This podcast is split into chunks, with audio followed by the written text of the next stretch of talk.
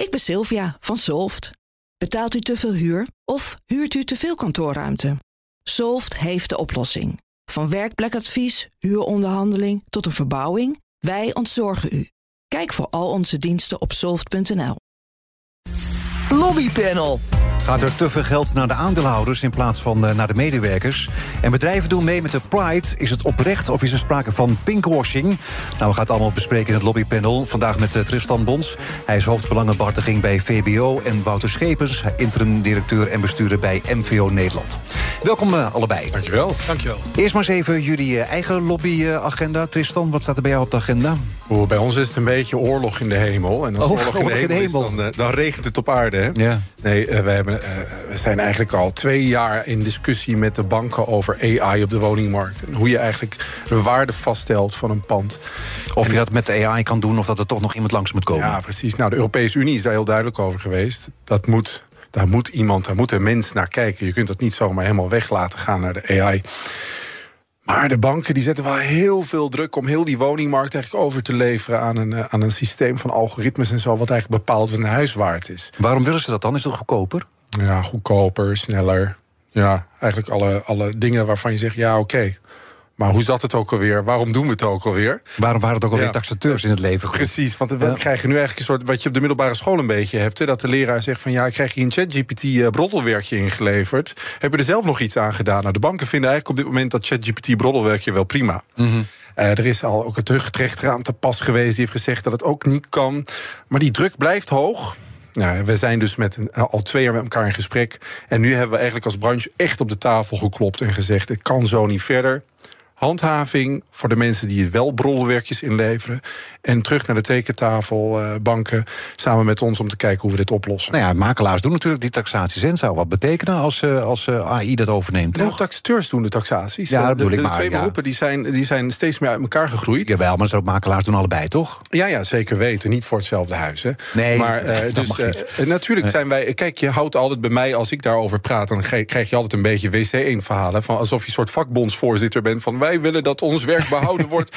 nou ja, dat is toch ook een klein beetje zo? Ja, natuurlijk is ook onderdeel ja. van het vak. Maar ja. tegelijkertijd moet je je ook gewoon blijven afvragen: oké, okay, uh, willen we de hele huizenmarkt aan één bedrijf en AI overlaten? Nou, we hebben gezien wat het met Airbnb in Amsterdam heeft gedaan. We hebben gezien wat het met Uber in de taxiwereld heeft gedaan. De huizenmarkt in Nederland is nu niet de meest kalmste markt.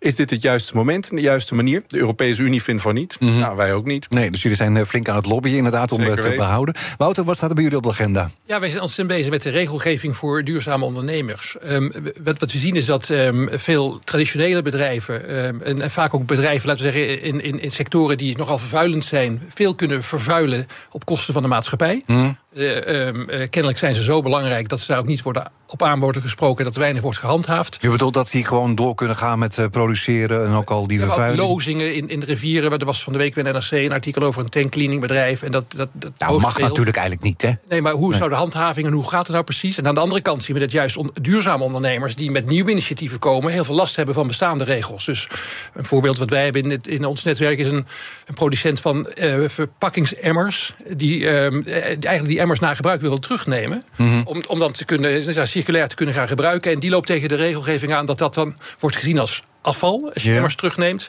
daar moet je een, volgens de omgevingsvergunning kennelijk een afvalvergunning voor hebben om dat te mogen vervoeren. Dus hij kan zijn eigen emmers niet ophalen om die weer te hergebruiken. En jullie Dat- vinden het eigenlijk uh, oneerlijk eigenlijk. Hè? Het ene Ja. bedrijf mag dan blijven vervuilen... en het andere bedrijf probeert het dan misschien iets beter te doen. Nou ja, je ziet dus dat de regelgeving heel erg is afgestemd op datgene wat we al kennen, maar nog niet is afgestemd op datgene waar we eigenlijk heen moeten. En dat is natuurlijk eh, niet alleen voor die bedrijven ongemakkelijk, maar daar gaan we maatschappelijk gezien ook last van krijgen. Ja, en bij wie lobbyen jullie dan? Want ja, de Tweede Kamer uh, is. Ja, we- zeker. Kabinet. Maar, nou ja, we Ja. zijn heel druk nu met alle politieke partijen. We, we hebben, eh, met ons eh, public affairs team zijn we heel druk bezig met de eh, politieke partijen om, om hen van onze standpunten op de hoogte te brengen. Zodat het inderdaad in de verkiezingsprogramma's komt te staan. ja, we gaan echt goed aan de boom schudden en onze stem laten horen. Laten we het over iets anders hebben. FNV-voorzitter Tuur Elsinga die eist in het FD... dat de cao-lonen aan de inflatie worden gekoppeld. En het dreigt met een hete herfst als werkgevers... die automatische prijscompensatie niet invoeren. Ja, is de toon toch een beetje gezet zo aan de vooravond... van een reeks nieuwe onderhandelingen. Ja, hete herfst, hè? Ja. dat was de dreig, het dreigement. Nou, als je echt het interview heel goed leest, zie je niet dat hij eigenlijk pleit voor collectief per overheidsingrijpen die index verplicht te stellen. Het zou niet in de wet moeten komen te staan, maar eigenlijk zou het wel moeten gebeuren dat het automatisch gebeurt. Nou, hij zegt dat wordt de inzet van de CAO-onderhandeling. Ja. Dus, dus het, is niet, het is niet een soort. Uh, oh, het gaat allemaal via de overheid moeten. En ik snap wel de hoge inzet. Ik bedoel, ja, je kunt niet een onderhandeling beginnen van... nou, we vinden al een half procentje wel goed en daar... Uh, hoog inzetten. Tegelijkertijd, er is geloof ik maar één land in Europa... waar ik heel lang heb gewoond, ook nog eens 13 jaar. Ja. waar, België. waar in België, waarin dat, waarin dat het geval was. Ik heb ook vrienden in België zitten... die ik gedurende die hele inflatieperiode... altijd een telefoon aan... ja, elke drie maanden waren zij weer gestegen. Oh, dat kwam gewoon elke drie maanden kwam er weer een beetje loon bij. Ja, dat was de speelindex over... en dan ging het 3% erbij. Ja, en wij in Nederland moesten dan eigenlijk al die die, uh, die, die kosten opvangen voor onze werkgever. Tot eindelijk keer aan het eind van het jaar. We natuurlijk allemaal uh, een grote. Was je een beetje jaloers op je Belgische ja, een beetje wel, een beetje. Ja. Ik dacht wel, ja, elke drie maanden. Het is wel handig. Hè? Ja. Maar vooral voor de mensen met een, met een zeer bescheiden inkomen is het wel natuurlijk een goed, goede insteek van Tuur. En, uh, en die cao's, uh, bijvoorbeeld voor de schoonmaak en dergelijke, kan ik me heel goed voorstellen dat dat de inzet is. Die mensen kunnen iets minder op persoonlijk niveau onderhandelen over hun eigen salaris, zijn afhankelijk van die cao's. Ja, en die salarissen zijn natuurlijk wel een beetje achtergebleven de afgelopen eh, drie, vier jaar. Dat is ook uh, wat, wat door iedereen bevestigd is, tot en met Mark Rutte. Nou, mm. VVD'er die zegt zoiets niet gauw. Dus ik snap de inzet. Of ze het binnenhalen. Maar goed, bedoel, dan zou je automatische prijscompensatie voor alle sectoren moeten doen. Nou ja, weet je, wij zijn even uh, voor de helderheid ook voor, goede lonen voor, voor de medewerkers. Hè. Dus dat, dat, uh, dat medewerkers profiteren ook van het succes van bedrijven. En dat niet alles naar de aandeelhouders gaat. Dat is een van de, van de grondprincipes van een duurzame economie. Um, of je dat dan, en, en, ik ben het met Tristan eens, het is de inzet, maar of je dat dan uh, economiebreed overal moet doen. Er zijn ook heel veel sectoren die nu onder druk staan. Mm -hmm. En uh, laten we dan zeggen, duurzame ondernemers die al moeite hebben, omdat de regels tegenwerken om, uh, om heel succesvol te zijn, om die automatisch hiermee te belasten. Dat is ook weer zo'n vraag. Mm -hmm. um, dus ik vind het heel goed dat we het belang van de werknemer scherp hebben. Uh, maar dat dat niet meteen uh, zomaar wordt omarmd door iedereen, dat snap ik ook alweer. Nou ja, werkgevers zijn natuurlijk uh, ook allemaal tegen. Want ja, het zou negatieve effecten hebben op de investeringen. Lagere economische groei en de concurrentiepositie zou verslechteren. Zijn dat dan ook goede argumenten? Zeker weten. En, en ik denk ook dat, de, dat VNO ook hier altijd gewoon helder in is geweest in hun standpunt hierover. Tegelijkertijd, CAO, de, CAO, de vakbond, is daar een onderhandelingspartner. De vakbond is niets anders dan een lobbyclub voor werknemers, mm -hmm. natuurlijk. Hè. Maar ze hebben wel hele sterke instrumenten in handen. Een stakingsaanzegging. Ja, en dan zie je toch uiteindelijk, als dat te veel de samenleving ontwricht, dan gaat de overheid zich ermee bemoeien. En, en dat is die hete herfst, daar zijn de werkgevers denk ik bang voor. Ja, weet je, en wat hij ook zegt in het, het staartje van het artikel, hè, van, er wordt, krijgt hij de vraag voorgeschoten van uh, moeten we misschien ook gaan kijken van welke bedrijven we dan in de economie willen hebben? Mm -hmm. waar, waar, willen we dan heen? En ik denk dat laten we die discussie dan ook voeren op politiek niveau van hoe willen we eigenlijk dat onze economie eruit gaat zien? Ja. Uh, maar dat we daar meer sturing aan geven. Want alleen maar inzetten op groei via laagbetaalde banen, weinig toegevoegde waarde. Hè, uh, uh, waar mensen eigenlijk in, in, in, in, in lastige arbeidsomstandigheden zitten en, en niet rond kunnen komen. Is dat nou de economie die we willen? Of kunnen we door scholing en door hoog toegevoegde waarde, door inzetten op duurzaamheid, een betere economie bouwen met elkaar? Dus je zou eigenlijk een soort van maatwerk zou je dus inderdaad moeten hebben. Dat soort bedrijven, wat ja, gebaseerd is op lage lonen, die zou je dan misschien liever niet meer willen hebben. En voor de rest zou je moeten kijken bij elk bedrijf, bij elke sector, wie kan wat leiden? Nou ja, we hebben natuurlijk een dienstensector nodig. Ook mensen die de, de, de kantoren schoon willen maken enzovoort. En die moeten gewoon goed betaald worden. Laten we daar geen misverstand over hebben. Maar de economie als geheel, gewoon macro-economisch gezien... die moeten we echt sturen naar een meer duurzame economie. En dan moeten we ook de keuzes gaan maken van... wil je een grote distributiecentra met heel veel vrachtwagens... Um, uh, of willen we uh, een hogere toegevoegde waarde economie... Uh, waar mensen gewoon vanzelfsprekend al hogere inkomens kunnen verdienen. Ja, maar inderdaad, bij de automatische prijscompensatie, iedereen slaat meteen op tilt. We hebben het natuurlijk in Nederland hebben we het ook lange tijd uh, gehad. Het is uh, eind jaren 80 is het bij het akkoord van Wassenaar is het afgeschaft. Ja, de FNV zegt nu ook van ja, er gaat heel veel geld nu naar aandeelhouders. Ik bedoel, we zien het sowieso al bij grote bedrijven, die maken nu flinke winsten. En ook een docent, een universitair docent zegt in het FD, nou die bedrijven gaan daarmee niet investeren met al die winsten. Dat gaat allemaal naar de aandeelhouders. Dus laat het maar naar de werknemers gaan. Je zou hopen dat dat en dat gebeurt ook. Hè? Dat werkgevers ook een beetje kijken naar hun eigen winst en de salari salariering van het personeel. En of ze die een beetje hand in hand kunnen laten lopen. Want dan heb je ook een goed argument in handen als werkgever. Zeg je, nou, de winst is gewoon hetzelfde gebleven. We hebben niet heel veel ruimte om de werk werknemers een hoger salaris aan te bieden. Nou, als je natuurlijk als groot bedrijf je producten en diensten in prijs laat stijgen, Hm. de winst vergroot. Ja.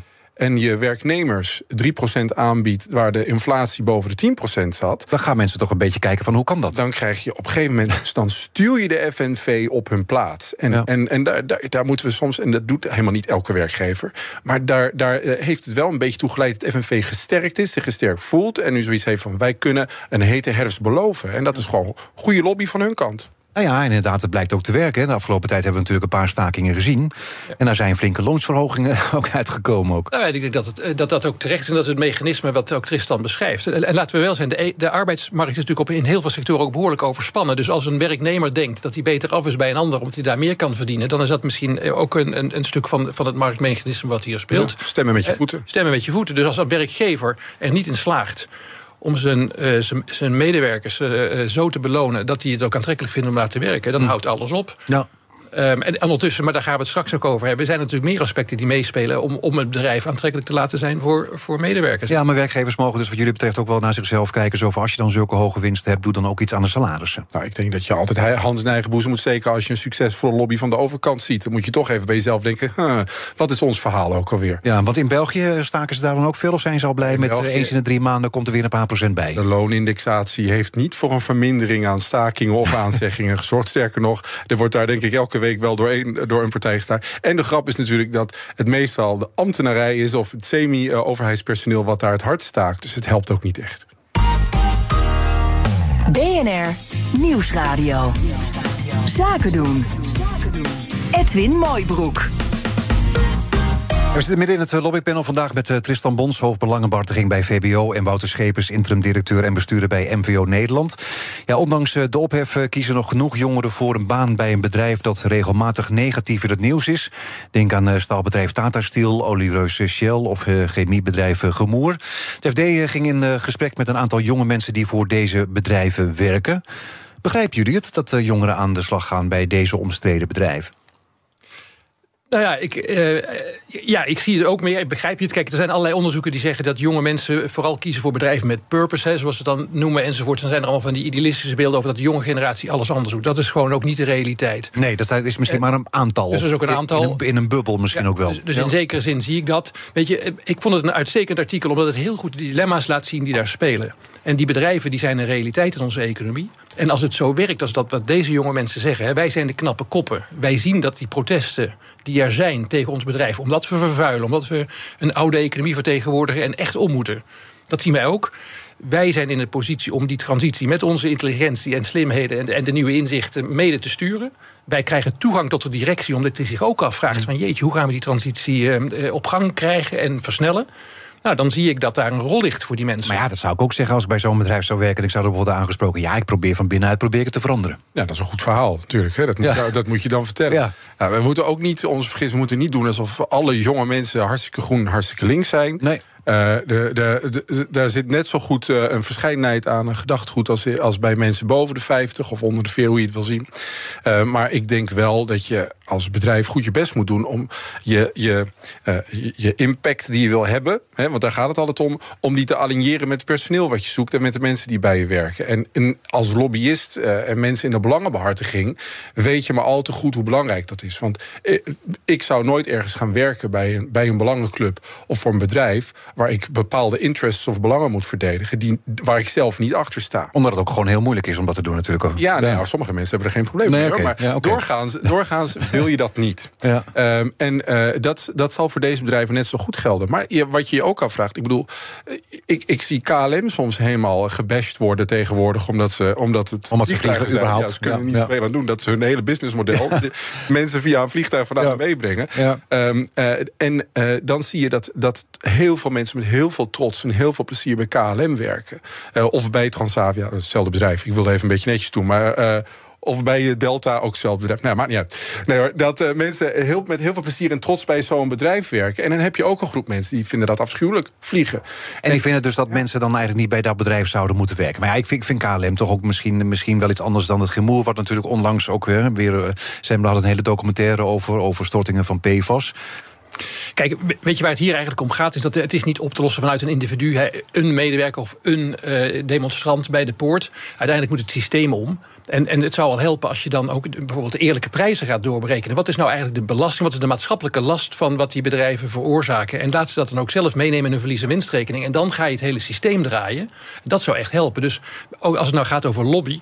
En, en dit soort jonge mensen bij je bedrijf, dan vraag je je ook af of die werkgevers ook in hun lobby en in hun verhaal eerlijk zijn en deze richting op willen bewegen. Want in de personeelsadvertentie kan we zeggen: oh, wij zoeken hele knappe koppen die lekker duurzaam willen zijn in ons bedrijf. Maar als je dan niet de middelen, het geld uh, en de knappe koppen en je lobby uh, uh, in, inzet, die kant op laat bewegen, ja, dan worden die mensen eigenlijk in een moeilijke positie gemanoeuvreerd. Want dan ben je wel met een knappe kop, maar dan sta je toch in, in de schaakmat. Hè. Dus dat Omdat die bedrijven dan ook moeten laten zien: zo van, nou ja, ik wil, ik wil graag dat je bij me komt werken. En ondertussen proberen wij ook te veranderen, proberen we ook te verduurzamen. Ja, en dan heb je, dan heb je natuurlijk altijd het vraagstuk. Pak nu even een Tata Steel, wat ook zwaar onder, onder het licht heeft staan, natuurlijk. Ja, daar, daar moet je je afvragen: willen we staal productie in Nederland, ja of nee? Nou, als je dat wil hebben, opnieuw, hun core business, ze maken staal. Nou ja, er wordt er altijd gezegd, ja, we kunnen het wel gaan verplaatsen... maar wij doen het nog iets milieuvriendelijker dan ergens anders. Dus daarmee blijft Tata Steel dan ook over het algemeen wel Precies, doen ze het in China dan zoveel groener. Hetzelfde geldt over vliegen. Wil je dat we alleen nog maar met de Emiraten vliegen op den duur? Maar dan dus- gaat iedereen vanuit Duitsland vliegen of ergens anders? Precies, dus in dit geval denk ik dat veel jongere mensen... zich ook wel die overweging kunnen maken. Zeggen van, oké, we willen staalproductie.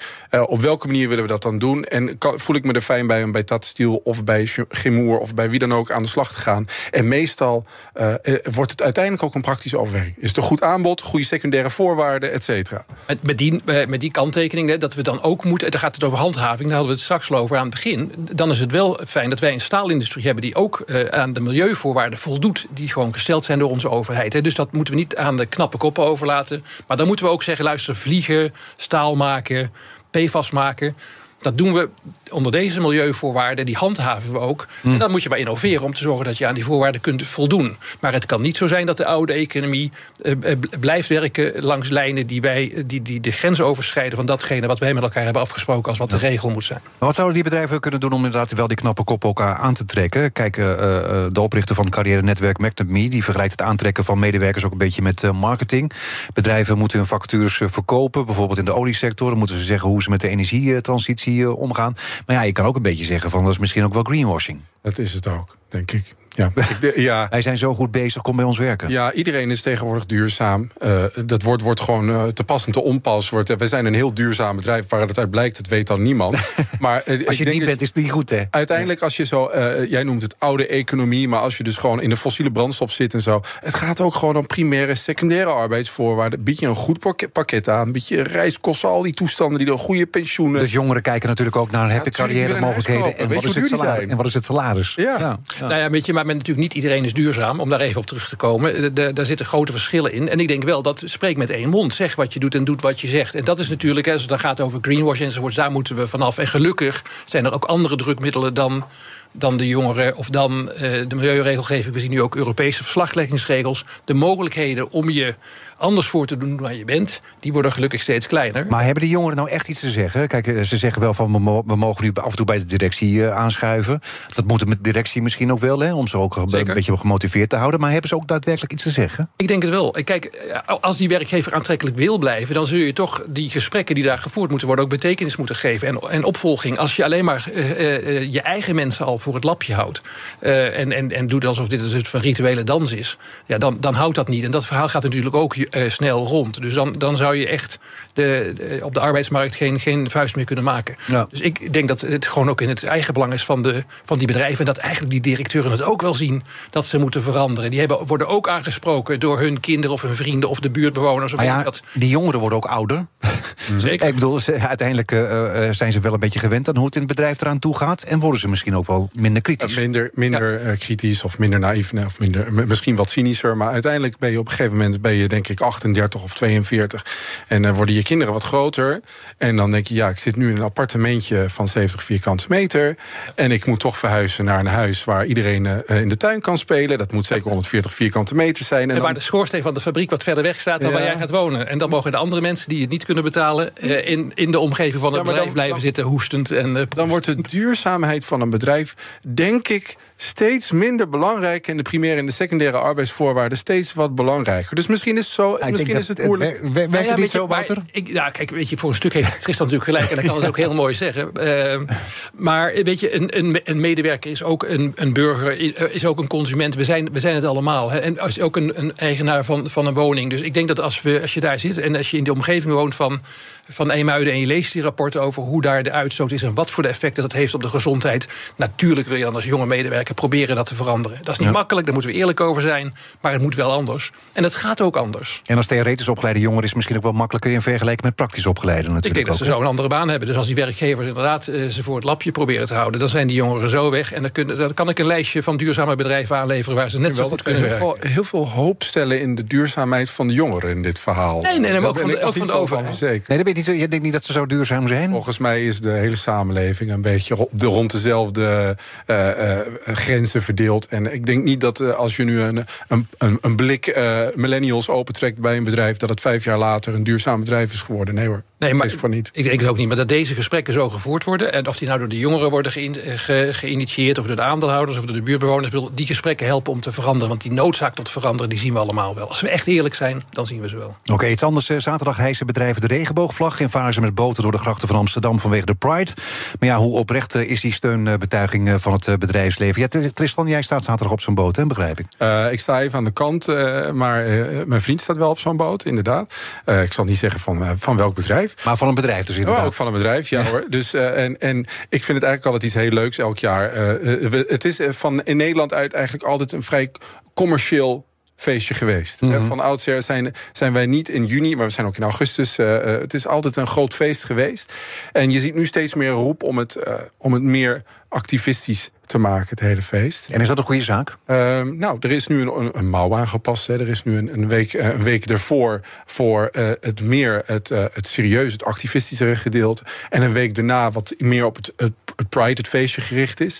Ehm, maar wat je wel ziet, is natuurlijk dat al jaren enorme commerciële bedrijven een grote rol spelen in, eh, in het feest. Eh, en de een wat oprechter dan de ander. Ja. Wat doet de MVO Nederland bijvoorbeeld mee? Nou, wij zijn heel erg voor eh, inclusiviteit. En dat is een vanzelfsprekendheid. Alleen geen boot. Maar we hebben geen boot. Nee. Maar ik heb er ook niks op tegen. Eh, eh, ik zou graag meevaren. Ja, hoe, kijken jullie daarnaar? Je zegt inderdaad zo van bedrijven proberen mee te liften. Hoe kijken jullie daarnaar dat- dat bedrijven inderdaad met hun logo's veranderen in regenboogkleuren? Inderdaad met boten door de grachten varen? Nou, wat we, wat we natuurlijk, wat, wat, wat, we, wat je meer en meer ziet, en daar zijn we als, als lobbyisten of als belangenbehartiger, daar, als ik hem even zo aanvlieg, dan probeer je altijd een authentiek verhaal te vertellen. Dat is het belangrijkst. Eh, dat je klopt, dat eh, je, je doelgroep wordt bereikt en dat het verhaal authentiek is. Nou, en daar schort het soms natuurlijk wel eens aan. Dan heb je allemaal bedrijven die eh, in juni eh, hun, Instagram-vlaggetje op, op regenboog zetten. En een maand later gaat hij er weer vanaf. Maar als je dan gaat kijken, ja, met welke landen doen deze, welke, welke landen doen ze eigenlijk zaken? En hebben ze daar ook van die regenboogvlaggetjes en dergelijke? Eigenlijk daar waar het iets kost, daar waar je skin in the game hebt, daar doe je niets als bedrijf. En daar waar het gratuite reclame is om met een bootje over de kanalen te varen, daar doe je het wel. En het, is, het, is een beetje, het is een beetje pinkwashing. Zie ons dus divers zijn eigenlijk. Nou ja, weet je, en ik ben het helemaal met Tristan eens. Dat, zou, dat, dat moet niet. Eh, ben- Ben eh, ook weer eerlijk over waar je voor staat. En laat dat ook zien. dat is dus gewoon een onderdeel van, eh, van, van hoe het hoort. Maar ook wat werkt. Want uiteindelijk met dat pinkwashing of greenwashing... waar wij dan ook veel mee te maken hebben... je schiet je in je eigen voet. Uiteindelijk word je ontmaskerd.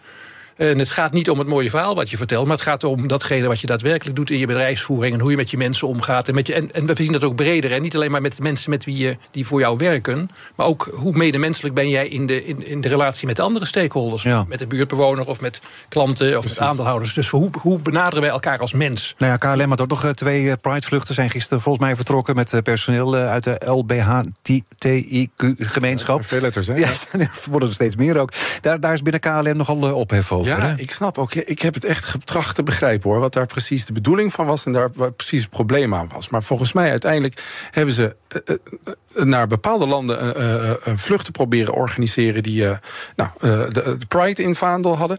Maar de bedoeling was dan een soort voorrang te geven aan mensen die ook van de community zijn, met Ja. de vele letters die je net probeerde uit te spreken. eh, om daar dan ook op die vlucht te werken. Nou, dat is volgens mij Uh, niet gelukt. Althans, niet op een positieve manier gelukt. Maar het is natuurlijk wel iets interessants. En daar is, daar is ook uh, al veel over geschreven en veel over geklaagd de afgelopen jaar in Amsterdam Pride.